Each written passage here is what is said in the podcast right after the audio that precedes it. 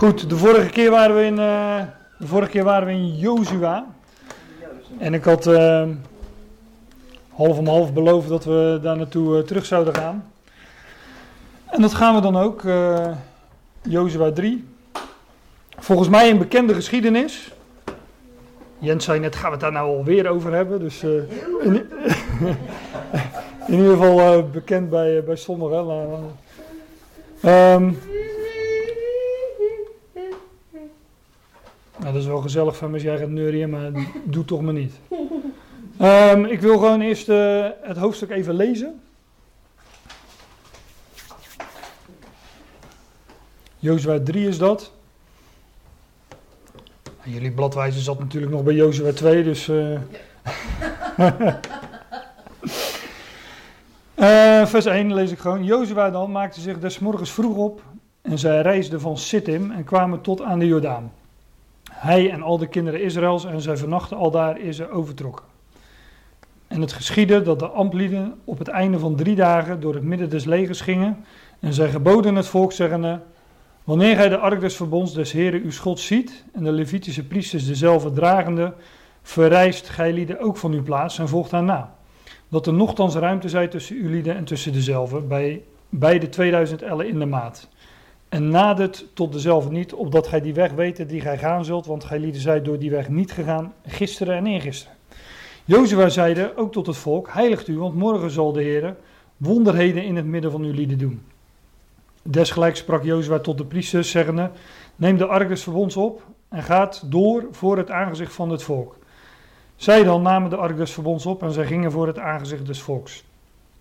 Want de Heer had tot Jozua gezegd, deze dag zal ik beginnen u groot te maken voor de ogen van gans Israël, opdat zij weten dat ik met u zijn zal, gelijk als ik met Mozes geweest ben. Gij dan zult de priesteren, die de ark des verbonds dragen, gebieden zeggende, wanneer gij lieden komt tot aan het uiterste van het water van de Jordaan, staat stil in de Jordaan. Toen zeide Jozua tot de kinderen Israëls, na het herwaarts en hoor de woorden des Heren uw Gods. En verder zei Jozua, hieraan zult gij lieden bekennen dat de levende God in het midden van u is en dat hij ganselijk voor uw aangezicht uitdrijven zal de Canaanieten en de Hethieten en de Hevieten en de Ferezieten en de Gergezieten en Amorieten en de Jebusieten. Ziet de ark des verbonds van de Heere der ganse aarde gaat door voor uw lieder aangezicht in de Jordaan. Nu dan, neemt gij uw twaalf mannen uit de stam Israëls, uit iedere stam een man. Want het zal geschieden met dat de voetzolen der priesteren die de ark van de Heere, de Heere der ganse aarde dragen, in het water van de Jordaan zullen rusten zo zullen de wateren van de Jordaan afgesneden worden. Te weten de wateren die van boven aflieten en ze zullen op een hoop blijven staan. En het geschiedde toen het volk vertrok uit zijn tenten om over de Jordaan te gaan, zo droegen de priesters de ark des verbonds voor het aangezicht des volks. En als zij die de ark droegen tot aan de Jordaan gekomen waren en de voeten der priester, priester en dragende de ark ingedoopt waren in het uiterste van het water, de Jordaan nu was vol al de dagen des oogstes aan al haar oevers, zo stonden de wateren die van boven afkwamen. Zij rezen op een hoop, zeer verre van de stad Adam af, die ter zijde van Sartal ligt en die naar de zee de Slakkenvels, te weten de Zoutzee, afliepen. Vergingen. Zij werden afgesneden, zij, vergingen, zij werden afgesneden. Toen trok het volk over tegenover Jericho, maar de priesters die de ark des verbonds des heren droegen, stonden stevast op het droge in het midden van de Jordaan. En gans Israël ging over op het droge totdat al het volk geëindigd had door de Jordaan te trekken. Dan lees ik ook nog even van hoofdstuk 4, vers 18 en 19. Dat hoort er uh, eigenlijk nog bij, eigenlijk heel hoofdstuk 4. Maar... En het geschiedde toen de priesters die de ark des verbonds des heren droegen, uit het midden van de Jordaan opgeklommen waren en de voetzolen der priesteren afgetrokken waren tot op het droge. Zo keerden de wateren van de Jordaan weder in hun plaats en gingen als gisteren en eergisteren aan al haar oevers. Het volk nu was de tiende der eerste maand uit de Jordaan opgeklommen en zij legerden zich te Gilgal, aan het oosteinde van Jericho. Nou, dat is een heel verhaal. En ik lees het even omdat ik niet alle versen uh, stuk voor stuk ga doornemen. Kijk, wat je vaak in de schriften ziet, ook in dit verhaal, is dat er iets uh, aangekondigd wordt van zo moet het gebeuren.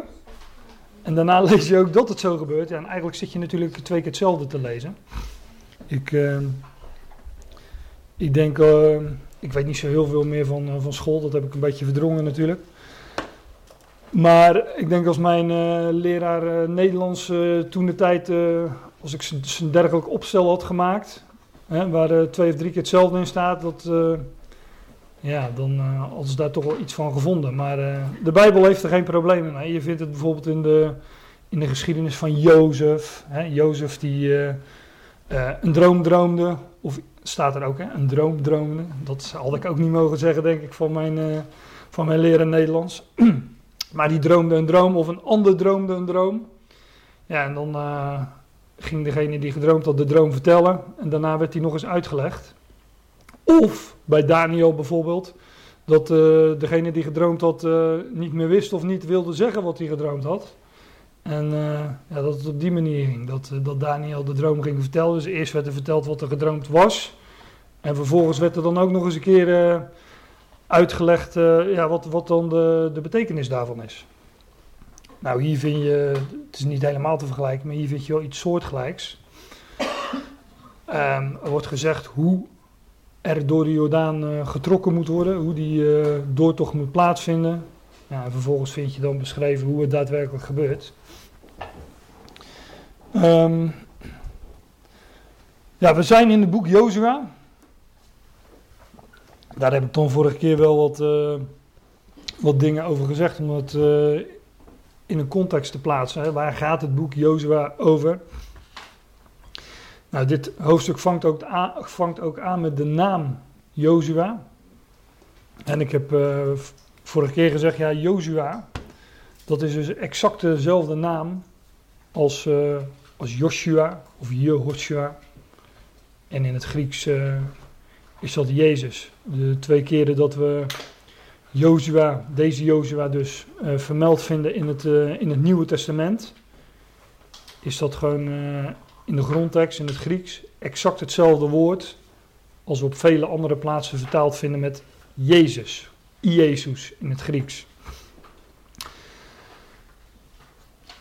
Ja, dus die twee die komen nogal overeen.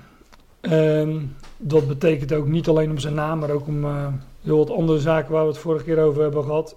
dat deze Jozua een type is van de ware Jozua, de ware Joshua, oftewel Jezus, hè, zoals wij hem uh, meestal noemen, Heere Jezus. Um, ja, Jozua, dat is degene die uh, hier het volk in het beloofde land gaat brengen. Hij is de overste leidsman van het volk. Dat was uh, Mozes overigens ook, de overste leidsman van het volk. Maar deze Jozua is de overste leidsman en voleinder.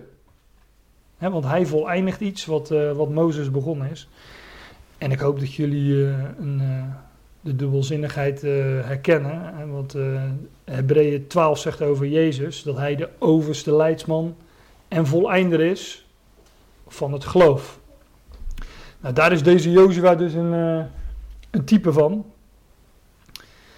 En ik meen dat we. Ja, vorige keer heb ik ook iets, iets dergelijks gezegd over, over hoofdstuk 1. Oh. Um, hier staat in de vertaling, ik weet niet hoe dat in andere vertalingen is, dat heb ik niet nagekeken, maar hier staat Jozua dan maakte zich des morgens vroeg op. En ik heb toen op Jozua 1 gewezen dat daar, uh, uh, dat daar staat, niet maakte zich op, hij stond vroeg op.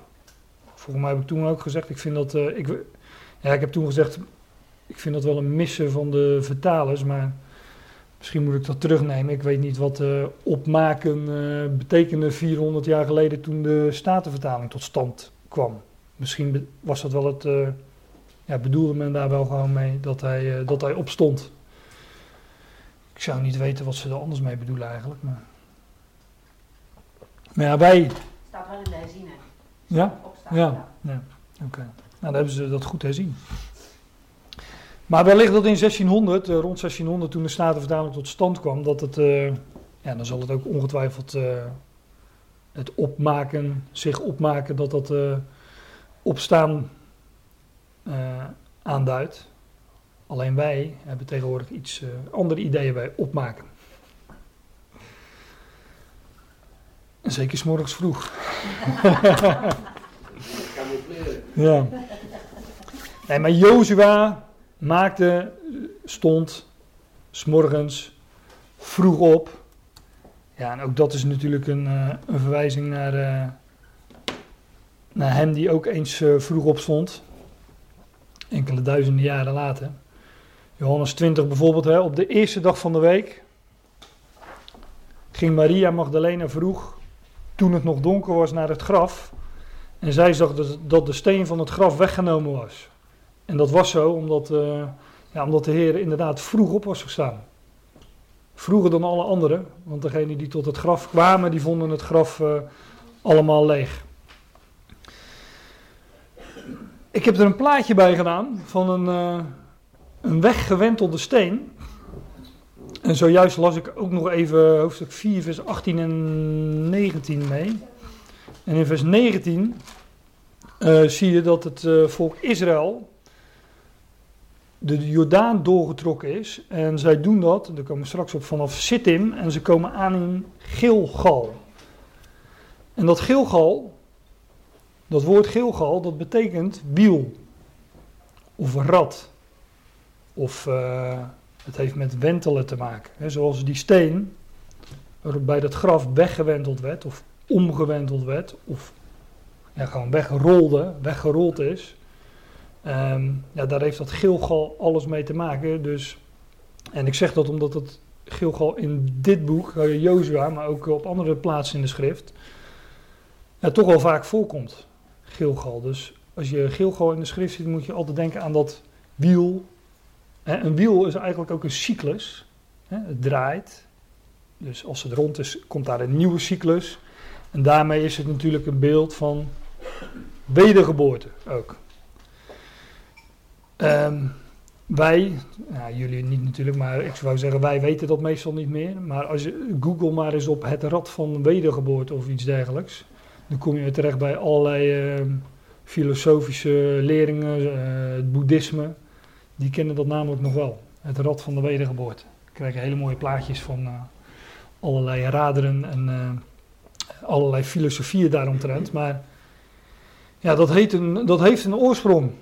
En aangezien de oorsprong van alles God is en zijn woord, heeft men, uh, geloof ik dat men het uiteindelijk daar vandaan heeft natuurlijk. Want dat is de oorsprong. En in de schrift vind je die gedachte al, van dat geelgal, van dat wiel, van dat rad. Het omwentelen. De nieuwe cyclus. Spreekt dus van wedergeboorte en nieuw leven.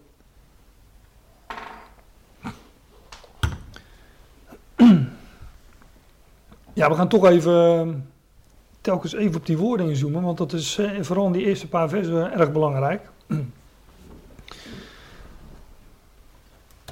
Een van de volgende dingen die we daar vinden is dat zij vertrokken vanaf Sittim.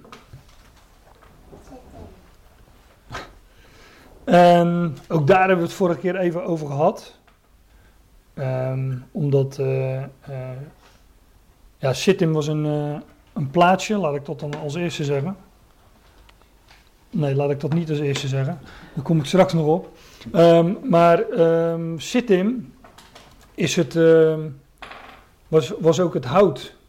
Wat Sittim hout was ook het hout dat, dat gebruikt werd in de tabernakel. Bijvoorbeeld van, voor het maken van de ark van het verbond, die we in deze geschiedenis tegenkomen. En in de tabernakel vinden we uh, een aantal attributen die waren gemaakt van sittimhout. Hè? Uh, hout is uit de aarde aards, vergankelijk spul. Alleen dat werd in die tabernakel werd dat overtrokken met goud, inderdaad. En som, nou ja, goudverf weet ik niet. Maar, en soms met, uh, met koper, maar het werd in ieder geval. Um, je, je, je, zag dat vergankelijke hout, zag je niet meer alles wat je zag was goud. Dus allemaal goud wat daar blonk, ja, en koper. Maar dat lijkt er uh, toch verdacht veel op. Maar in ieder geval werd dat vergankelijke werd weggedaan en dat werd overtrokken met goud. Een beeld van vergankelijkheid, wat onvergankelijkheid aandoet. ook weer een beeld van ja, wedergeboorte zou je kunnen zeggen. Nieuw leven. En daar is dat, uh, dat Sittim hout, maar ook het plaatsje Sittim is daar een, uh, een beeld van. Ja, ik heb, vorige keer kreeg ik een vraag. Ik weet niet of dat uh, on the record was of off the record. Maar dat, ging in ieder geval over dat sitimhout. Wat in veel vertalingen acacia hout, uh, met acacia hout wordt vertaald. En toen zei ik van, uh, ja, voor mij is het gewoon sitimhout, want dat is wat er staat. Maar het kan natuurlijk best zo zijn dat men later dat sitim, of hoe dat ook heet, dat, dat men dat later acacia is gaan noemen. Hè, en dat inderdaad die attributen in de tabernakel waren gemaakt van acaciahout. Alleen, als je het zo gaat vertalen, dan zie je de oorsprong van dat woord niet meer. En de oorsprong van dat woord, dat is sittim. En dat is niet voor niks. Want um, dat sittim, het is dit woordje wat we vinden, al, die, uh, al die woorden hebben ze een strong codering gegeven, een uniek nummer. En dit woordje shittim, sittim, dat is het woord wat we vinden in Jozua 3 vers 1. Maar dat woord um, is verwant met dit woord bijvoorbeeld. En dit woord. Uh, je ziet hier, het is, het is, Engels, maar je ziet hier, ik heb gewoon even een print screentje gemaakt, dat het heeft te maken met uh, haat en tegenstand. Hè, oppose. Tegenstand tegen. En hier zelfs met Satan. De, de aanklager, accuse, adversary, resist, is ook een tegenstand. En uh, ja, de tegenstander, de aanklager. Zo wordt hij ook in de schrift genoemd. Maar daar is dat woord dus van afgeleid, dat zit in. En als het volk hier onder leiding van Jozua reist van Sittim naar Gilgal, ja, dan is dat een beeld van wedergeboorte. Vanuit de ene positie naar de andere positie. Vanuit het oude naar het nieuwe. Vanuit het vergankelijke naar het onvergankelijke. onvergankelijke. Vanuit Shittim. we hebben vorige keer ook. Uh, ja. Ja. Heeft met. Uh, ja, ja, met uh, het Engelse shit te maken. En scheiden en afscheiden. Scheiden. Nee, daar hou jij niet van, dat weet ik. van scheiden en, en afscheiden. Um, en van, ja, van het vergankelijke, van, vanuit het, of moet ik zeggen, vanuit het rijk van de tegenstander. In het rijk van degene met de weggewentelde steen. Uit het rijk van Satan overgezet worden in het koninkrijk van de zoon van zijn liefde. Nou, daar spreekt dat dus allemaal van. Dat wordt hier in dat uh, ene zinnetje ook schitterend uitgebeeld. Maar als je daar acacia van maakt, ja, dan kom je daar niet op. Dus daarom uh, hou ik het toch maar bij sittimhout. Het staat ook. Ja, het staat er ook gewoon. Ja, ja en het lijkt niet eens. Het lijkt, shittim lijkt niet eens op acacia, zou ik zeggen. Maar het kan ongetwijfeld dat men later dat hout, dat, dat men die boom of. Uh, ik weet niet eens of het echt een boom is, een struik. een boomachtige struik, dan hou ik het veilig. Maar dat men die later ook acacia is genoemd, dat weet ik niet. Maar we doen Bijbelstudie, dus we, wat we onderzoeken zijn de woorden van God. En hier staat zit in. Nou, zij, uh, onder leiding van Jozua, waren ze die s'morgens vroeg was opgestaan, reizen zij van Sittim en kwamen tot aan de Jordaan. En later lezen we dat ze de Jordaan overgetrokken zijn en in Gilgal zijn aangekomen. En zij vernachten al daar, eer zij overtrokken. Um, de Jordaan, kreeg vorige keer ook een vraag over. Komt dat, uh, komt dat voor dan in de Bijbel, de doodsjordaan? Nou, het komt wel voor uh, in onze liederen, of het echt als woord, als woord komt het niet echt voor in, uh, um, in, in de Bijbel, zeg maar, het woord doodsjordaan of Jordaan des doods of iets dergelijks. Tenminste, ik heb het niet gevonden. Maar wat die, uh, wat dat woord Jordaan betekent, het betekent stromend of rivier. Dat ligt nogal voor, voor, de hand natuurlijk. Maar ook uh, afdalend. Ja, maar dat, dat is ook wat een rivier over het algemeen doet. Stroomopwaarts stromen wordt, wordt wat lastiger en de, een rivier daalt af. Dus, maar dat heeft met. ja, dit woord, met die code 33H voor Hebreeuws 3383, uh, het is afgeleid van 3381 voor degene die dat eens na willen zoeken. En dat woord is afdalen of neerwaarts gaan. Maar dat is natuurlijk ook weer een, uh, een uitbeelding van het, uh, het afdalen in, in de dood. Daar had ik heel wat voorbeelden van kunnen geven, maar ja, zoek die zelf maar naar. Ook in de psalmen wordt bijvoorbeeld gesproken van het afdalen in de afgrond, het neerdalen in het, in het dodenrijk. Um, ja, daar, daar spreekt het dus ook van. Daar, vandaar we waarschijnlijk dat woord doodsjordaan in, uh, in liederen en uh, um, in uitdrukkingen. Dat is, het is in ieder geval niet voor niks. Dus men kende waarschijnlijk, de makers van dat soort liederen kennen toch de, de typologie erachter. Um, ja, wat wel een mooi is, dit, is dat Johannes, de doper, die doopte specifiek in de Jordaan. In Matthäus 3 vind je dat. Toen liep Jeruzalem, heel Judea en heel het land rondom de Jordaan naar hem uit. En zij werden door hem gedoopt in de Jordaan, terwijl zij hun zonde beleden. Um, ja, die doop in water is natuurlijk ook een beeld van, uh, ook dat is typologie, het is een beeld van hogere zaken, van, van, van diepere dingen. Um,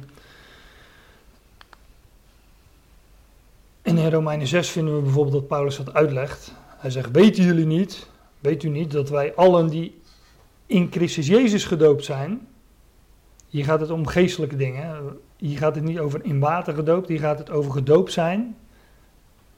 Um, ondergedompeld zijn, figuurlijk, hè? één geworden met Christus Jezus. Of weet gij niet, weten jullie niet dat wij allen die in Christus Jezus gedoopt zijn, in zijn dood gedoopt zijn. Zoals Johannes doopte, Johannes de doper doopte in de Jordaan, zo zijn wij niet in de Jordaan gedoopt, ook niet in water, maar in Christus Jezus. Geestelijk, één geworden met Hem. Ondergegaan met Hem. Uh, en dus ook in zijn dood gedoopt zijn. Wij zijn met Hem gestorven. Dus de oude mens, dat is mij afgerekend, die is dood. Wij zijn dan met Hem begraven door de doop.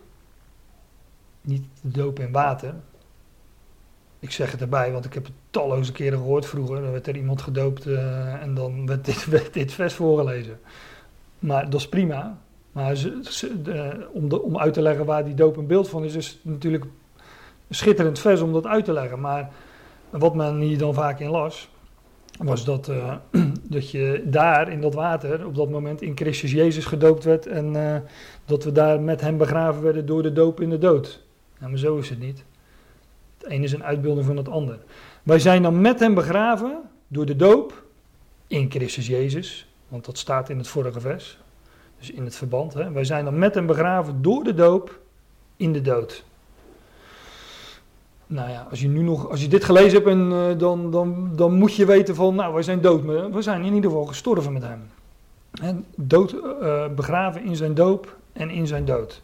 Opdat evenals Christus uit de doden is opgewekt, tot de heerlijkheid van de Vader, zo ook wij in een nieuw leven zouden wandelen. Die mensen die uh, door Johannes de doper gedoopt werden, die moesten niet onder water blijven in de Jordaan, die kwamen daar weer uit. En daar is natuurlijk uh, dat laatste, opdat evenals Christus uit de doden is opgewekt, hè, uit de wateren, de doodswateren weer is opgestaan, tot heerlijkheid van de Vader, alzo ook wij in de nieuwheid van leven of in een nieuw leven zouden wandelen. Namelijk dat nieuwe leven dat hij aan het licht bracht. Nou, daar is die doop een beeld van. Daar is het doorgaan door de Jordaan een beeld van. Hè, dit doodsjordaan, om dat woord dan toch maar te gebruiken. Hè, want daar kwam het volk Israël ook weer uit. Dat was, dat was ook uh, de bedoeling. Um, Ja, in 1 Korinthe 10 vind je zelfs nog um, over het volk Israël. dat zij, die, eh, het volk Israël trok niet door de Jordaan, maar door de, door de Schelfzee. Hè, waar, waar, waar God ook een, eh, de wateren van de Schelfzee spleet, zodat ze een droge doortocht hadden. In 1 Korinthe 10 lees je ook dat het volk Israël in de zee gedoopt werd. In Mozes werden ze gedoopt, in de zee. Dat is allemaal natuurlijk wel typologisch taalgebruik, figuurlijk, hè, met een diepere betekenis. Maar die woorden worden daar wel gebruikt. En voordat jullie zeggen van ja, maar het volk Israël werd gedoopt. Hè, en als je in water gaat, dan ga je onder. En uh, wat we hier lezen in Jozua 3 was dat ze een droge doortocht hadden. Van, ja, dat lezen van, de, van het volk Israël en de Schelzee ook. Maar toch zegt Paulus in 1 Korinthe 10 dat ze in de zee gedoopt zijn. Um, ja, zij vernachten al daar. En is hij overtrokken. Nou, dat vernachten, de nacht is een beeld van onze tijd. Daar heb ik vorige keer ook iets over gezegd. Um, ik zit nu hard te denken welke tekst ik toen aangehaalde. Volgens mij Romeinen 13. Ik weet het vers niet, volgens mij is het vers 12. Um, ehm, de nacht. De nacht vordert en de dag, de dag is nabij. Iets dergelijks staat de nacht, wij leven in de nacht en de dag, de dag des Heren namelijk, die is aanstaande. Die, uh, die komt naderbij. Nou, is hij overtrokken? Um, dat heb ik nog eens opgezocht in de King James. Daar, staat, daar staat before the, zoiets als before they passed over. Maar weet jullie, jullie weten vast wel wat in het Engels pass over is, toch? Dat is Pasen. En dat is ook weer opstanding. Dus ja, dat heeft alles hier in de schriftgedeelte wijst op, uh, op hem die uh, dood was, maar uh, opstond uit de dood. Het geschiedde dat, vers 2, het geschiedde dat de amplieden op het einde van drie dagen door het midden des legers gingen. ook hier weer, die drie dagen, vonden we ook al in, in hoofdstuk 1, vers 11 meen ik. Ja. Nou ja, die drie dagen, ja, daar, uh, dat, heeft, dat, heeft geen, dat heeft geen toelichting meer nodig. Dat vinden we zo vaak in de schrift. Pak een concordantie, zoek uh, drie dagen op, dan uh, spreken we elkaar over een paar maanden wel weer. Want dat zijn er nogal wat. Hè. Ik heb dat wel eens gedaan en toen dacht ik van ja, die kan ik niet, die kan ik niet allemaal... Uh, en ook nog eens als je gaat tellen, hè, de, de, de dag, dus andere dagen en dan de volgende dag. Nou, dan, ja, dan, uh, ik wil zeggen dat is helemaal een gebed zonder end, maar dat, uh, nee, maar dat, dat, dat, kon, dat is echt een principe wat je telkens maar weer terugvindt uh, vindt in de schrift. En zij geboden het volk, vers 3, zij geboden het volk, zeggende, wanneer gij de ark des verbonds des Heren uw schot ziet, en de Levitische priesters de, dezelfde dragen enzovoort. Maar hier vinden we dus in die geschiedenis de ark van het verbond. Um, daar zullen jullie niet allemaal bij geweest zijn, maar wij hebben wel eens tamelijk uitgebreid stilgestaan bij, uh, uh, bij de ark van het verbond. En ook bij de, de tabernakel waarin eh, de ark van het verbond stond. En ik zei net al, de ark van het verbond, die was gemaakt van hout, van dat sittimhout. En inderdaad overtrokken met goud. Dus onvergankelijkheid, dat vergankelijkheid aandeed. En uh, ja, met name die, die ark is echt een schitterend type van, uh, van Christus, van de opgewekte Christus. Hij die uh, kwam als mens, stierf, en onvergankelijk leven ontving en ook aan het licht bracht. Die, die ark van het verbond stond in het allerheiligste vertrek van die tabernakel volgens mij nog een plaatje van. Ja. Um, dat is uh, die grote tent daar in de woestijn, dat is de tabernakel. Maar achterin was een, uh, dat kun je niet zien, want het was verborgen. Dat is ook de bedoeling. Achterin dat, uh, in, in, die tabernakel, dus in die tent die je daar ziet staan, daar waren, in die tent die je ziet staan, ik zal het even aanwijzen, dan bedoel, bedoel ik deze tent. Daar waren twee vertrekken. De eerste was het heilige en de tweede was het heilige der heiligen. In het heilige stonden een aantal attributen, maar in het heilige der heiligen stond één ding, één attribuut. En dat was die ark van het verbond. Deze ark van het verbond, dus waar het hier over gaat. Ehm, alleen deze ark van het verbond, als men daarmee op reis ging, dan, uh, dan deed men dat zoals je hier ziet op het, uh, op het plaatje. Um, die, uh, die tabernakel was portable, oftewel die kon men afbreken en als men een standplaats aandeed, waar men enige tijd verbleef, dan werd het hele bouwwerk opgezet en werden de, allemaal beschreven hoor in de schrift, werden de twaalf stammen daar omheen gegroepeerd in bepaalde orde, bepaalde rangorde. Is allemaal voorgeschreven. Die ark van het verbond was ook, um, ja, had, had, uh, was, ja, was eigenlijk het pronkstuk in de tabernakel. En had ook um, een rol op de grote verzoendag. Dat was de enige dag in het jaar dat de hoge priester, die je hier op het plaatje ziet, inging in dat heiligdom. En bloed van uh, offerdieren sprenkelde uh, voor de ark van het verbond. En ook op, op het deksel. Wat ook weer een apart verhaal is, wat, wat wij meestal het verzoendeksel noemen. En de Hebreeënbrief legt uit dat het ingaan van die priester op grote verzoendag, eenmaal per jaar, een beeld is van het ingaan van de opgewekte Christus, onze hoge priester, eenmaal. En dan niet per jaar, maar eenmaal. Daar is dat een beeld van. En daarom ging deze hoge priester eenmaal per jaar in dat heiligdom om verzoening te doen voor de zonde van het volk. En dat deed Christus ook. Eenmaal ging hij het heiligdom in. Want het heilige der heiligen is een beeld van de hemel.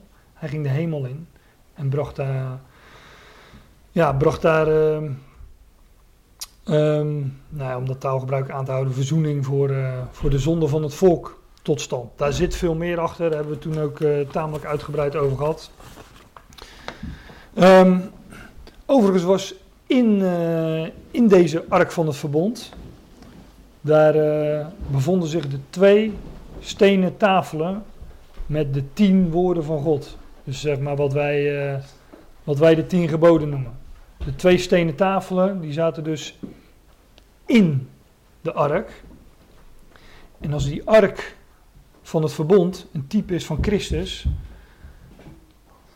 en die stenen tafel bevonden zich daarin, dan is dat die stenen tafel in die ark is een uitbeelding van het woord van God, wat hij ja, in zich had, in zijn hart had, wat hij, waar hij uit leefde. Een beeld, om het, om het als kort en uh, samenvattend te zeggen, een beeld van het geloof van Christus. Namelijk geloof in het woord van, van zijn God en Vader. Nou, die uh, ark van het verbond, die zag niemand. Die was dus ook verborgen, net als Christus verborgen is in dat heiligdom. En slechts eenmaal per jaar ging daar de hoge priester binnen. En als men met die ark op reis ging, dan bleef hij ook verborgen. Want men deed er een hemelsblauw kleed overheen. Dat is natuurlijk allemaal typologie. Christus verborgen in de hemel, hemelsblauw kleed, waaronder die ark van het verbond verborgen was. Nou, daar spreekt dan in, uh, in vogelvlucht de ark van het verbond over. Maar nogmaals, daar hebben we het wel eens wat, uh, wat uitgebreider over gehad. Dus uh, mocht, mochten jullie daar interesse in hebben, dan is het allemaal na te luisteren.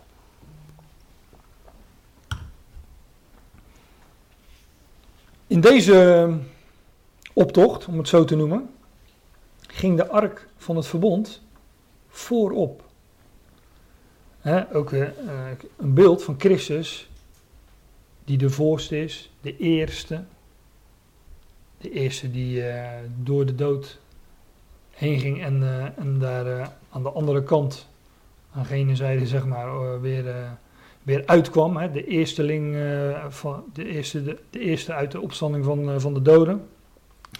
En hij is natuurlijk ook onze eerste. Ons hoofd.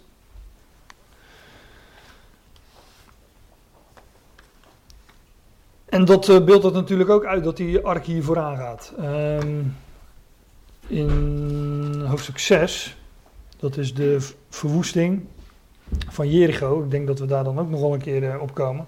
Ging ook die ark vooraan. En het volk liep achter de ark aan, rondjes om, uh, om de stad Jericho. Zij geboden het volk, vers 3, wanneer gij de ark van het verbond des Heeren uw God ziet, en de Levitische priesters dezelfde dragende, verrijs ook van uw plaats en volg haar na. Um, ja, laten we dat nog uh, voor de pauze doen. Die Levitische priesters. Daar is wel wat mee aan de hand hoor, in, de, in de schrift. um, daar is best wel veel mee aan de hand. Ik, uh, ik, ik heb dat allemaal nog eens na zitten zoeken, maar het is ook meer dan ik, dan ik nu ga vertellen. Maar met Levi, de stam Levi, want daar kwamen die Levitische priesters uit, daar is sowieso natuurlijk heel veel uh, bijzonders mee aan de hand. Want zij werden uitverkoren, uitgekozen. Um, zij waren degene die, uh, die het gouden kalf niet hadden aangebeden. Of in ieder geval zei Mozes na dat debakel met het gouden kalf: van ieder die Jahweh toebehoort, ieder die de Heer toebehoort, komt tot mij. En dan staat er, en tot hem verzamelden de zonen van Levi, zoiets eigenlijk staat. Dus zij behoorden Yahweh toe. Um, ik, noem nu, ik, laat nu één versie, maar hier zou ik er echt heel veel van kunnen laten zien. Die iets dergelijks beschrijven over uh, de Levieten of de stam van Levi. maar er staat er in die tijd, zonder de Heer, Yahweh, zonderde de Heer de stam Levi af om de ark van het verbond van de Heer te dragen. Nou, dat hebben we hier gezien in uh, Jozua 3. Om voor het aangezicht van de Heer te staan, om hem te dienen en om in zijn naam te zegenen tot op deze dag. Daarom heeft Levi geen aandeel of erfelijk bezit met zijn broeders, namelijk de, de andere stammen van Israël. Jawel, de Heere zelf, is zijn erfelijk bezit. Lotsdeel staat er letterlijk, of aandeel, lotsdeel. Zoals Jawel, uw God, tot hem gesproken heeft. Nou, die Levitische priesters, die zijn natuurlijk ook ergens een beeld van, een type. de, we hebben het over, de, de, over Jozua gehad, we hebben het over uh, Sittim gehad, we hebben het over de Jordaan gehad. Eh, het overtrekken, uh, de ark van het verbond en nu de Levitische priesters. Ze waren uit Israël, maar ze hadden geen deel aan Israël. Ze, um, zoals Paulus dat zegt in uh, Romeinen 15, ze deelden, ze, ze delen in de geestelijke goederen van Israël, maar ze worden niet tot Israël gerekend. Ze delen in Israël. Dat zal ik straks ook laten zien. De Levieten, de stam van Levi, de Levitische priesters, zij deelden in Israël, maar ze hadden hogere zegeningen. Ze delen niet in het land. De Levieten kregen geen land toegewezen. Alle stammen kregen land toegewezen, maar de Levieten niet. Dus uh, ze deelden niet in het land van Israël, maar ze hadden wel deel aan de zegeningen en zelfs aan hogere zegeningen. Nou, als je het mij vraagt, is dat een beeld van de gemeente, de Ecclesia, die, uh, die inderdaad, uh, zoals Paulus dat in Romeinen 15, vers 27 zegt, deel heeft aan de geestelijke goederen van Israël. Hij zegt daar, de natieën hebben deel gekregen aan de geestelijke dingen of geestelijke goederen van Israël. Maar dan hoger. Nou, om dat uh, te visualiseren, want misschien hebben jullie geen idee waar ik het over heb, maar de, de twaalf stammen van Israël kregen allemaal land. He, hier zie je Asen, Naphtali, Manasse nou, enzovoort. Als jullie daar allemaal gaan zitten, dan uh, zien sommige mensen denk ik niks meer, uh, heren en dames. Maar volgens mij kan het jullie niet veel schelen als ik het zo eens... De twaalf stammen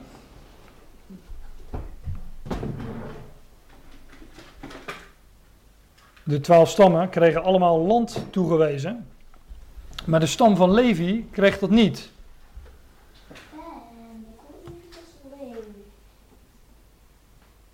Fan, pakken jullie die van jezelf maar even. Misschien handig.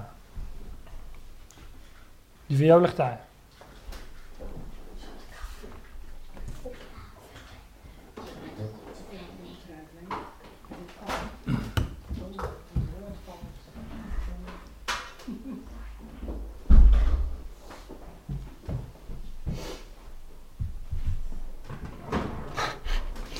De.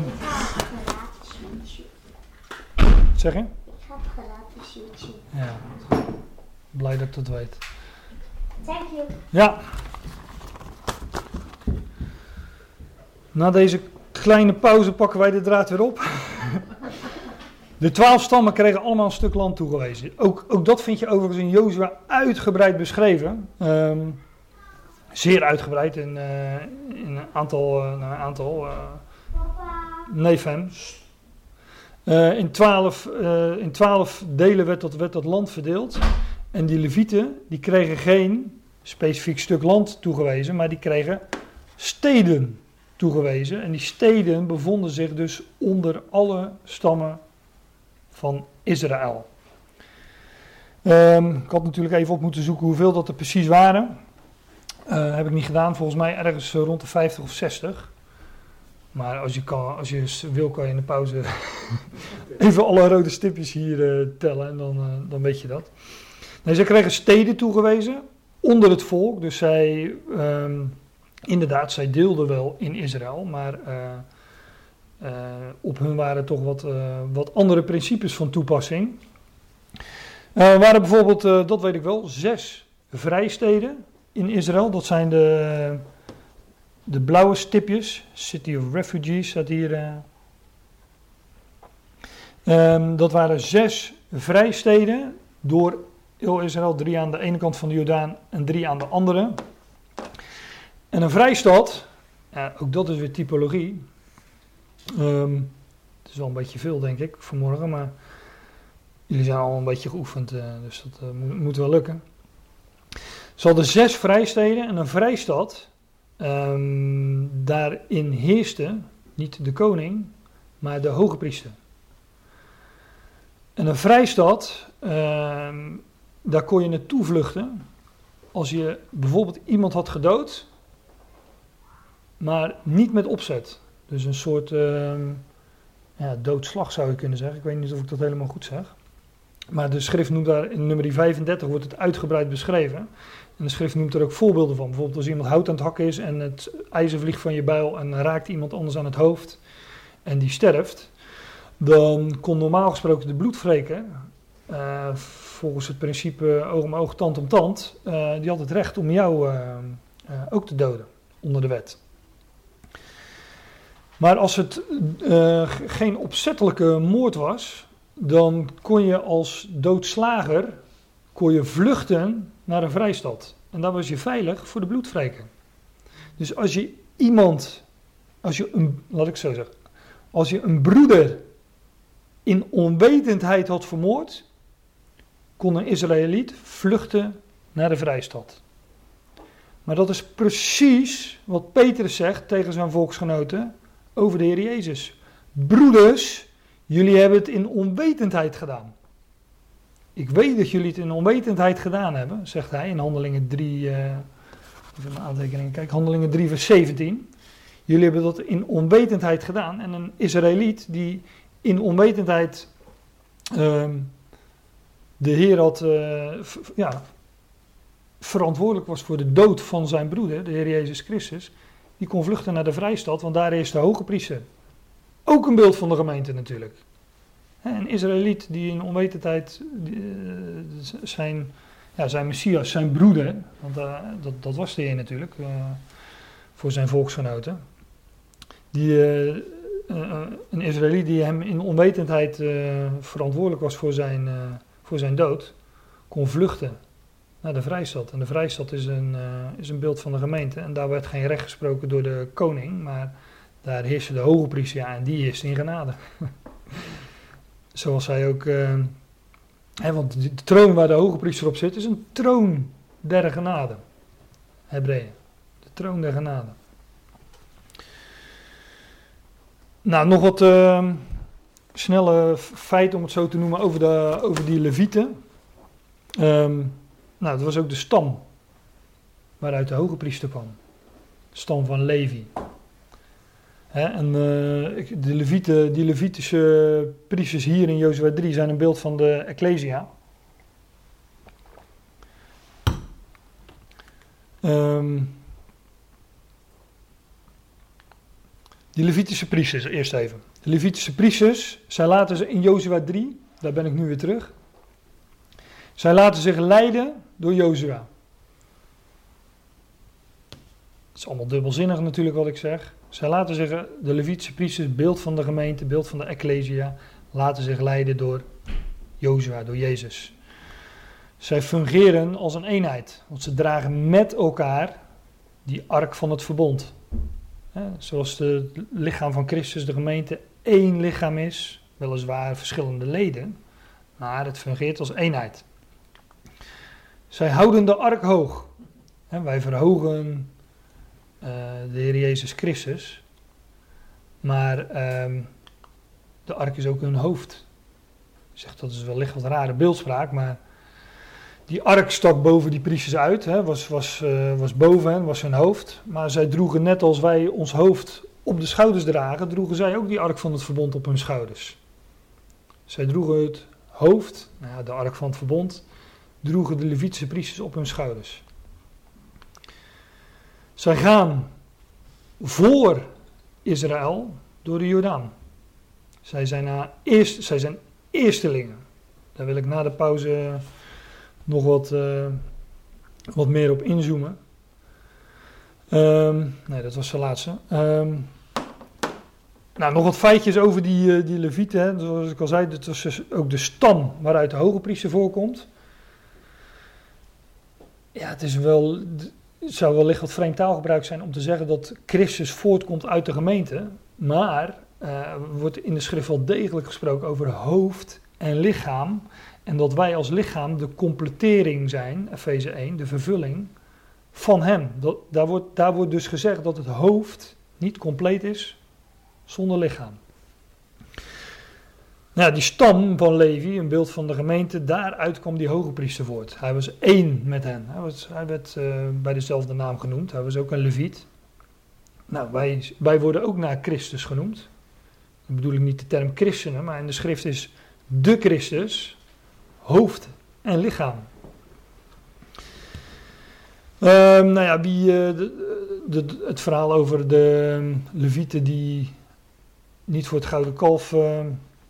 Hadden gebogen, had ik al, had ik al genoemd. Ook een mooie. Tot slot. In nummer 17 staat een geschiedenis over de staf van Aaron die bloeide. Ik denk dat de meeste van jullie die wel kennen. Um, eigenlijk was de vraag: wie is de werkelijke hoge priester? Laat de, laat de ware hoge priester opstaan. En daar werden twaalf, van elke stam werd daar een staf genomen. Zo'n weet wel, zo, zo, zo, stok, zo'n uh, wandelstaf. Um, werd daar een staf genomen, dus er kwamen twaalf staven op een hoop te leggen. Die werden gelegd in het heilige der heiligen voor de ark van het verbond. En de volgende dag bloeide de staf van Aaron als beeld. Ja, en dan moet ik bij zeggen, die staf, er staat erbij, er zaten blaadjes aan, er zat bloesem aan en er zaten vruchten aan, namelijk amandelen. En toen we het hadden over de tabernakel, enige, nou ja, al enige tijd geleden inderdaad, toen heb ik ook gezegd, want de kandelaar, met al die mooie takken, was een gestijlde, een gestileerde amandelboom. Want de amandelboom is de boom in, uh, in die contraien van het Midden-Oosten die het eerste bloeit. Na de winter, wat een beeld is van de dood, is de amandelboom de eerste die, die leeft. Die nieuw leven aan, ja, die nieuw leven laat zien, die, die, die bloeit. Natuurlijk als beeld ook weer van Christus die als eersteling opstond uit de dood. Maar wat mij nog nooit eerder opgevallen was, en ik zat gisteren oh, die geschiedenis nog eens door te lezen van die staf die bloeide in nummer 17. Daar staat niet dat Aarons staf stond voor Aaron. Er staat Aarons staf die stond voor het huis van Levi. Dus die staf is niet alleen maar een beeld van Christus, de hoge priester, naar de ordening van Melchizedek, maar ook van het huis van die hoge priester, van de levieten, van, het hele, van de hele stam. Nou, en typologisch is dat dus ook een beeld van de gemeente, van de ecclesia, die eerstelingen zijn in de schrift. Wij zullen, ehm, hij is de eersteling, maar wij worden op, uh, op andere plaatsen de eerstelingen genoemd. Wij zijn degene die hem op uh, uh, nou, betrekkelijk korte afstand, een dag of twee. nee, dat niet, dat is Israël. Maar wij zijn, wij zijn, uh, wij zijn degene die, die hem op, op, ja, op korte afstand zullen volgen. En hij is de eersteling. Wij zijn de eerstelingen. Vorige keer hebben we het volgens mij ook even over die eerstelingen broden gehad uit, uit Leviticus. Maar die bloeiende staf stond dus niet alleen voor die hoge priester, voor Aaron, maar die stond echt voor het huis van Levi. Nou, die levieten, ehm, die bedienden de tempel, de tabernakel. Hè. Zij waren degene die, uh, die daar de dienst verrichten. Zij bedienden het huis van God. Nou, daarover vinden we in het Nieuwe Testament ook meerdere keren gezegd. Weten jullie dan niet dat jullie lichamen een tempel zijn van de Heilige Geest? Nou, enzovoorts. Maar uh, wat betreft de levieten wil ik het hier maar bij laten. En uh, eerst koffie gaan drinken. En dan hebben we het na de pauze over, uh, over het vervolg van Jozua 3. Wij gaan onze tocht vervolgen.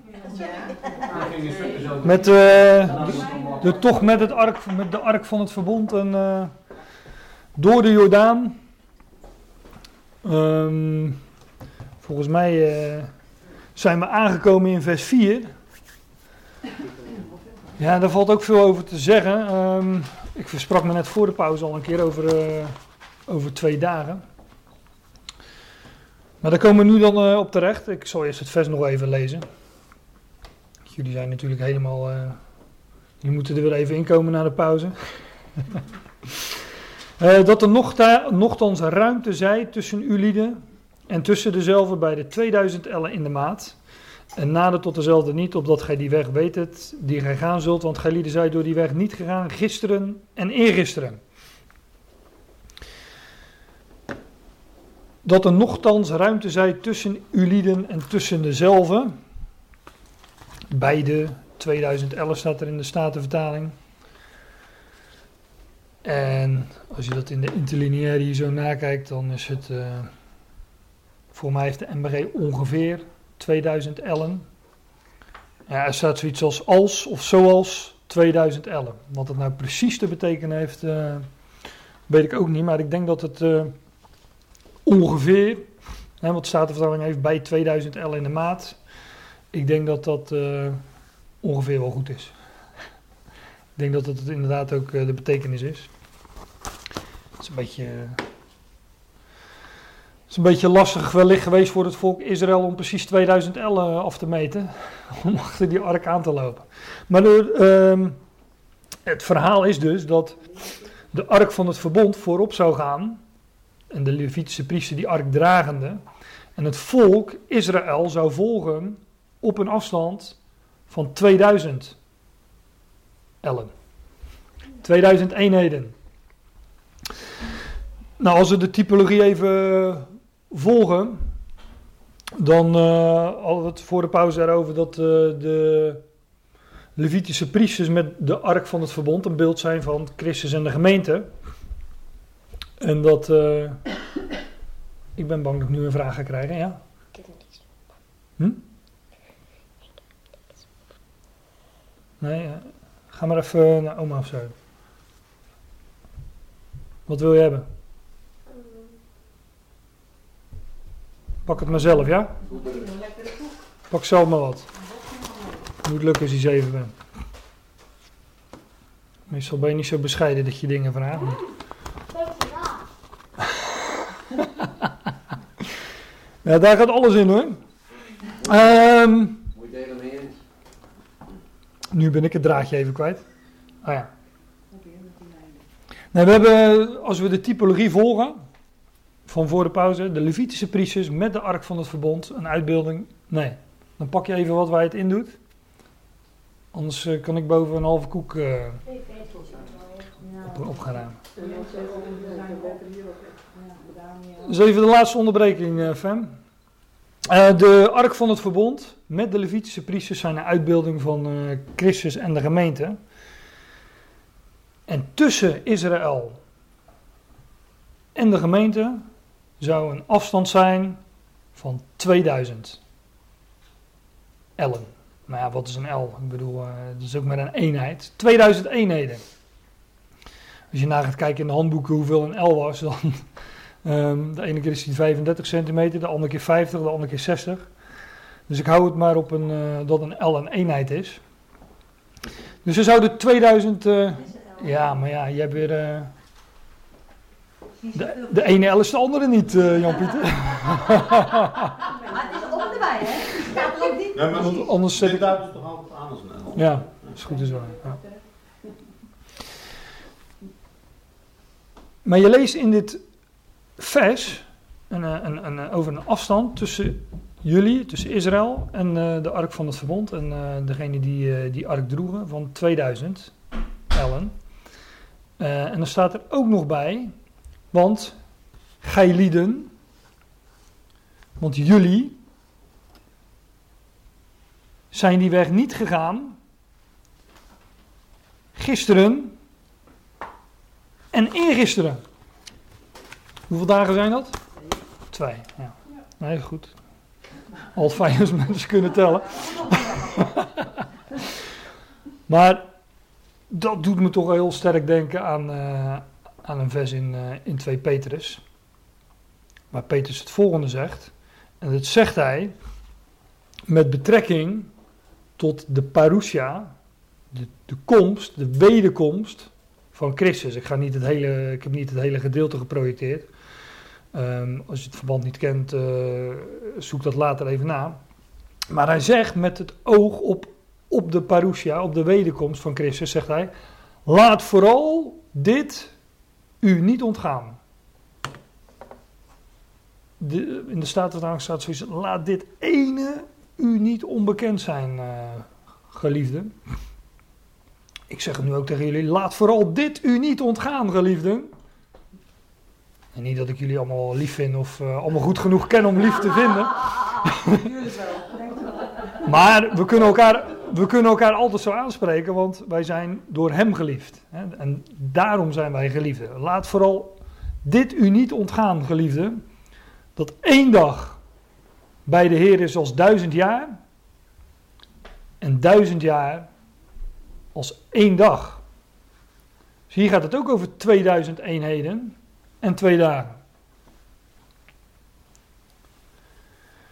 Twee keer duizend jaar dus. Petrus zegt hier op een eh, enigszins cryptische wijze. Van ja, ehm, hij heeft het ook over de. In, in 2 Petrus, die leest het maar na. Hij heeft het ook over de wederkomst. Die, ehm, eh, waarin God langmoedig is. God is geduldig. Hij wacht. En Petrus die eerst eh, leest het boek Handelingen, Handelingen 2, Handelingen 3 in zijn toespraken. Petrus verwachtte eerst een spoedige wederkomst van, van Christus.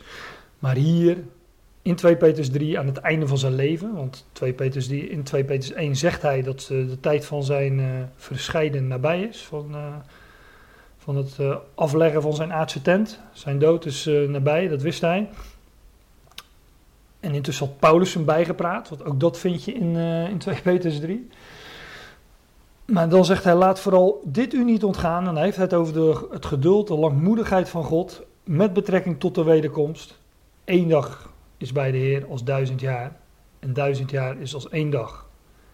En eh, als ik het eh, moet parafraseren, zegt Peter, Petrus, laat vooral dit niet ontgaan. De wederkomst zal over ongeveer 2000 jaar plaatsvinden. Maar ik heb nu de omgekeerde route eh, gepakt. Want eigenlijk had ik eerst dit vers moeten laten zien uit Hosea, waar het over Israël gaat. Want over Israël wordt gezegd, na, daar zegt Israël, ehm, na twee dagen zal hij ons levend maken. Op de derde dag zal hij ons doen opstaan en zullen we voor zijn aangezicht leven.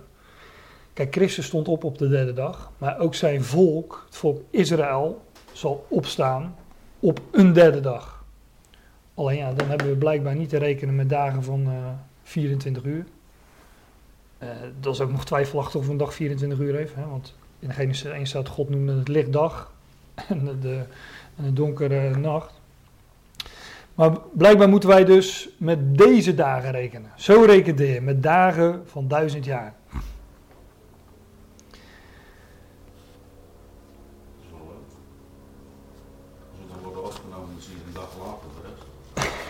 Ja, ja. Daar komt het, uh, daar komt het ongeveer wel op neer. Ja.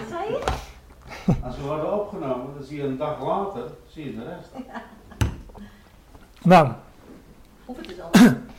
Maar hier, hier spreekt er dus van in, in, in type, hè, in Jozua 3, als de ark van het verbond als eerste door de Jordaan gaat en het volk Israël op een afstand van 2000 zal volgen.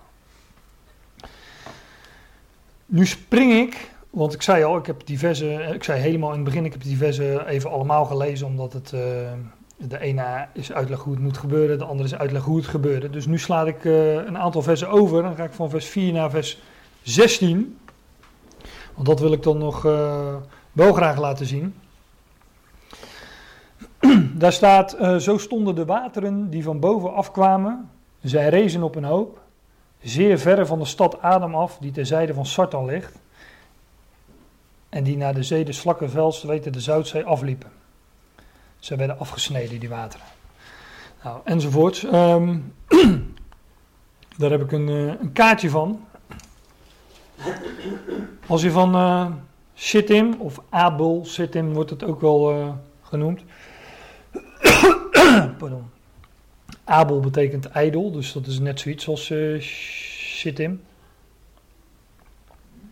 Maar Abel Sittim, men ging dus van, uh, van Abel Sittim, hier stak men de Jordaan over. Um, staat er in vers uh, 16 ook nog bij, toen trok het volk over tegenover Jericho, hè, dus uh, met het zicht op Jericho. En uh, later, die vers heb ik meegelezen, 4 vers 19, dat men aankwam in mijn pijltje is af en toe weg, dat men aankwam in Gilgal. En je leest daar dat Gilgal aan ten oosten van Jericho ligt. Op het kaartje heeft men een vraagtekentje erachter gezet, omdat men blijkbaar niet precies weet uh, waar dat Gilgal uh, gelegen heeft. Maar in ieder geval nou ja, ten oosten van Jericho staat er in ieder geval. Dus dat, dat moet genoeg zijn. Maar wat je hier leest um, is over het, uh, de, de, wateren die van bovenaf kwamen. Dus uh, nou ja, een rivier gaat stroomafwaarts. Dus die wateren kwamen van bovenaf. En die wateren die uh, werden gespleten, ze werden afgesneden. En zij rezen op een hoop, zeer verre van de stad Adam af. Nou, deze, degene die dit kaartje hebben gemaakt, die wisten blijkbaar waar Adam ligt is op zich niet zo moeilijk. Over het algemeen weet men namelijk niet waar het plaatsje ligt, maar het moet natuurlijk stroomopwaarts geweest zijn. Zo. Dus dat had ik ook kunnen bedenken dat het hier ligt. Ik had het ook hier kunnen, of hier ergens stroomopwaarts, lag inderdaad dat plaatsje Adam. Nou, dan moet Sartan hier ook ergens naast gelegen hebben volgens vers 16. Hè? Maar we lezen dat het volk vertrekt vanuit Abel Sittim naar Gilgal, vanuit uh, het koning, vanuit de duisternis naar het licht, vanuit vergankelijkheid naar onvergankelijkheid, vanuit uh, de ijdelheid naar, naar nieuw leven. Nou ja, ik kan het op uh, heel wat verschillende manieren zeggen. Want dan komt men aan in, in Gilgal. Maar de wateren, die werden afgesneden, dat gebeurde, ze rezen op een hoop, van de stad Adam af. Nou, ik ken maar één andere Adam in de Bijbel.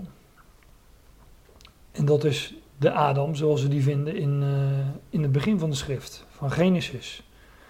Er wordt een weg gecreëerd door de Jordaan, door de dood, Jordaan, door de dood, hè, eh, Romeinen 6. Er wordt een weg gecreëerd door de laatste Adam, door de dood, maar vanaf Adam. En dat doet eh, natuurlijk denken aan eh, andere woorden uit het eh, Nieuwe Testament. Hè, want zoals allen in Adam sterven, zo zullen ook in Christus diezelfde allen, diezelfde allen vanaf Adam die in Adam sterven, die zullen in Christus allen levend gemaakt worden. Nou, volgens mij is dat, wordt dat hier uitgebeeld in de wateren van de doodsjordaan, die, ja, die, op, eh, die, die vanaf, vanaf de stad Adam eh, stil bleven staan en waardoor een weg gecreëerd werd. Vanaf Adam af, maar ja, ook door die laatste Adam. En eh, nou, dat, dat wordt hier uitgebeeld en dan staat er nog, toen trok het volk over tegenover Jericho. Jericho is een, een beeld van deze wereld. Als we als het over de geschiedenis van de verwoesting van Jericho gaan hebben, zal ik daar nog wel meer over zeggen. Maar het is in ieder geval de, de laagst gelegen stad op aarde, zeg maar. Dus dieper kun je niet zinken. een beeld van deze wereld met zijn vergankelijkheid en eh, ja. Er wordt eh, vaak gesproken, ook in de schrift, over de weg van Jeruzalem naar Jericho of andersom. Denk maar aan de geschiedenis met de barmhartige Samaritaan. Nou, enzovoort. Kom ik volgende keer nog wel, eh, wel op terug. Gilgal. Nou, daar heb ik het over gehad. Dat hoef ik ook niet meer toe te lichten. Ehm, ik wil nog één klein dingetje laten zien. Ik heb, nou, nu heb ik echt nog wel eh, vijf minuutjes over. eh, die eigen ik mezelf nog even toe. Ehm, ik wil nog één ding laten zien over. eh, en dan wat ik doe is gewoon even doorlezen in Jozua 4.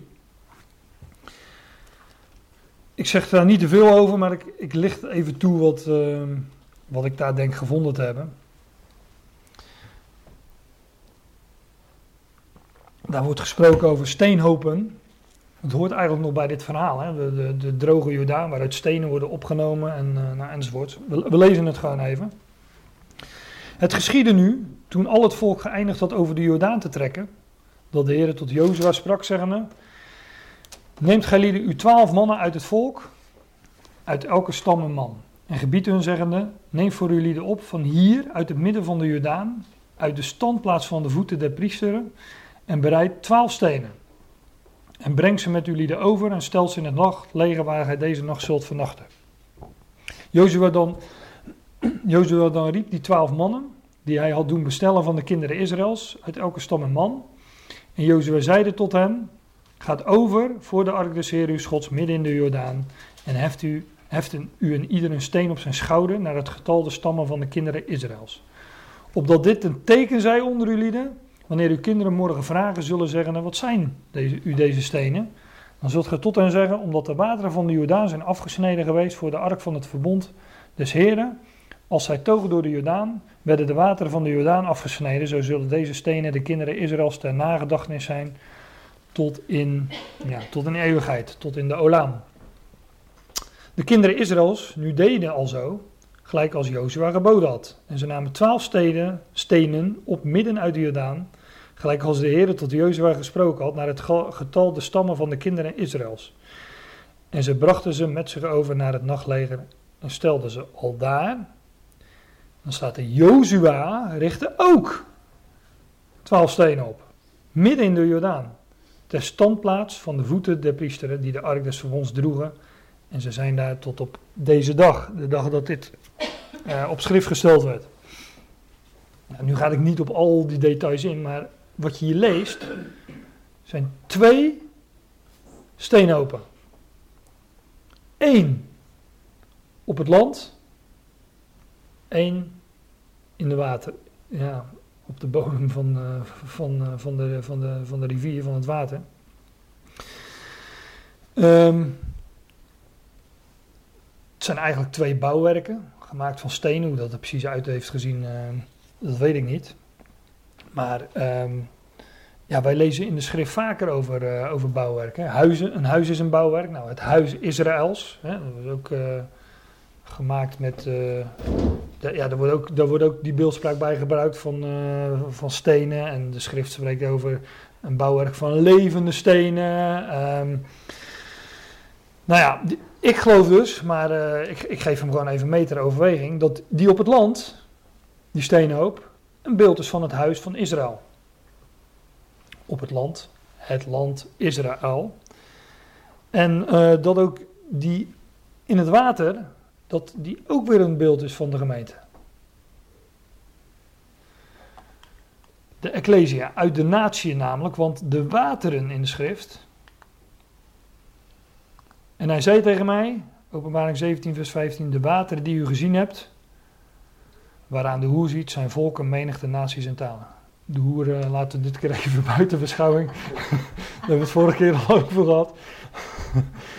hij zei tegen mij, de wateren die u gezien hebt, zijn volken, menigten, natieën en talen. Dus de wateren zijn in de schrift, de zee, de wateren, zijn een beeld van de natie, de volkerenzee. Dus ik geloof dat die hoop stenen, dat bouwwerk van stenen in die wateren, dat dat een beeld is van de gemeente. En het, de hoop die op, ehm, op, de, op, de, op het land gemaakt werd of gezet werd, een beeld is van Israël. Die ehm, in Efeze 2, ik heb er geen diaatje van, maar daar wordt over de gemeente gesproken als een, eh, een, een, een huis, een woonhuis. Ik lees het even voor. Ik, ga niet, ik lees het echt alleen maar voor. Ik ga niet uitgebreid op, de, op, op het vers in. Maar dan gaat het over, ook weer over de eenwording van, van Jood en Heiden binnen, dat, eh, eh, binnen het lichaam, maar binnen dat bouwwerk. Zo zijn jullie dan niet meer vreemdelingen en bijwoners, maar medeburgers der heiligen, huisgenoten gods. Efeze 2 vers 19 is dat. Gebouwd op het fundament van de apostelen en profeten, waarvan Jezus Christus is de uiterste hoeksteen. Op welke het gehele gebouw bekwamelijk samengevoegd zijnde opwast, opgroeit tot een heilige tempel in de Heer. Op welke ook gij mede gebouwd wordt tot een woonstede Gods in de geest. Nou, daar valt natuurlijk heel veel over te zeggen, maar ja, de gemeente, de Ecclesia, wordt gezien als een bouwwerk. Een geestelijk, dat staat er ook, een geestelijk huis een geestelijke tempel. En ehm, nou, hier die twee steenhopen. Ik geloof dat de ene beeld is van Israël en de andere die op het land. En die andere in de wateren. Een beeld is van, eh, van de Ecclesia. Of moet ik zeggen, die ene is zichtbaar op het land. En die andere, die werd toch weer verborgen. Want die wateren, dat hebben we nog, eh, dat hebben we nog meegelezen in 4 vers 18. Ja, die wateren die eh, kwamen weer terug nadat het volk daar doorgetrokken was. En dus werd die steenhoop die daar was, verborgen. Nou, dat spreekt natuurlijk van de verborgenheid. Die, eh, die steenhoop die, eh, die heeft men daarna waarschijnlijk niet meer gezien, maar die was er wel degelijk. En dat is het werk van de Jozua in onze tijd. Een verborgen werk, verborgen voor Israël, maar onder de natie. Onder de wateren, onder de oppervlakte. In de verborgenheid doet God een werk en eh, richt eh Jozua, Jezus, die bouwt daar zijn, eh, zijn tempel, zijn huis. Verborgen. En we hadden het net even in de pauze over uit wie is die en en uit welke stam komt die. Nou, Jozua was uit de stam van Ephraim. Dat is ook wel een mooie. Ephraim is op zijn minst een type van de gemeente. Echt op zijn minst. Ik weet niet of jullie. eh, nou, daar moeten we misschien maar eens een keer over hebben, want het is wel een mooi onderwerp. Maar ooit was het. ehm, na, nadat, nadat het volk Israël ehm, verdeeld werd in twee koninkrijken, dat was na de afgoderij van koning Salomo, werd het koninkrijk verscheurd. In twee delen, Juda en Benjamin, de twee stammen. En de rest, de overige tien stammen, ja, het tien stammenrijk, maar het werd vaak genoemd Juda en Israël, hè, twee en tien stammen, maar ook Juda en Ephraim. Ephraim was prominente stam onder de tien stammen. En ehm, toen later zijn die tien stammen in ballingschap weggevoerd naar Assyrië. Daar zijn ze opgegaan in de natie, geassimileerd noemen ze dat, zijn identiteit kwijtgeraakt en waren niet meer te traceren. Dus toen later het heil, om het even, ik zeg, ik zeg het nu echt heel, uh, heel globaal, maar toen later dus redding of het heil in de handelingenperiode naar de natie ging, toen kwam het terecht, onder andere bij die tien stammen. En je kunt dus zeggen dat de gemeente, in ieder geval voor een deel, gebouwd is uit de tien stammen. En dan is het wel mooi dat Jozua hier als Ephraimiet hier een, uh, een, steenhoop plaats die, voor, die, naar ik meen, een beeld is van de gemeente. En dat dan Jozua uit die stam van Ephraim is. Maar dit was ik eh, in eerste instantie helemaal niet van plan om te zeggen. Maar ik, uh, ja, ik dacht, ik heb, nog wel, ik heb nog een paar minuten. Maar het is wel een mooi onderwerp om, om daar eens wat, wellicht eens een keer wat meer over te zeggen. Um, maar het is ook een wat lastig onderwerp, omdat er ook verschrikkelijk mee aan de haal wordt gegaan.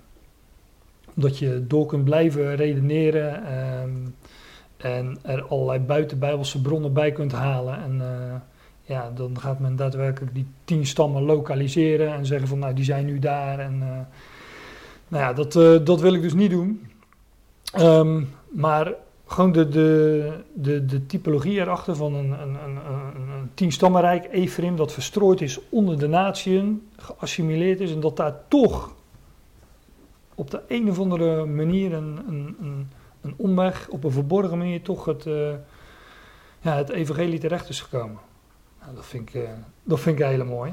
Dus die, geef ik die gaf ik uh, nog even mee. En ja, dat was uh, Jozua 3 en een stukje van Jozua 4. Um, ik denk dat we volgende keer nog wel even, in ieder geval één keer verder gaan in Jozua. Ik denk dat we de geschiedenis van de verwoesting van Jericho, hè, dat we de draad weer even oppakken met, met. Um, ja, of over Jozua 5, daar valt ook nog wel wat over te zeggen. Daar wordt uh, ook weer gesproken over Gilgal. Maar dat weet ik nu nog niet en dat zien we de volgende keer.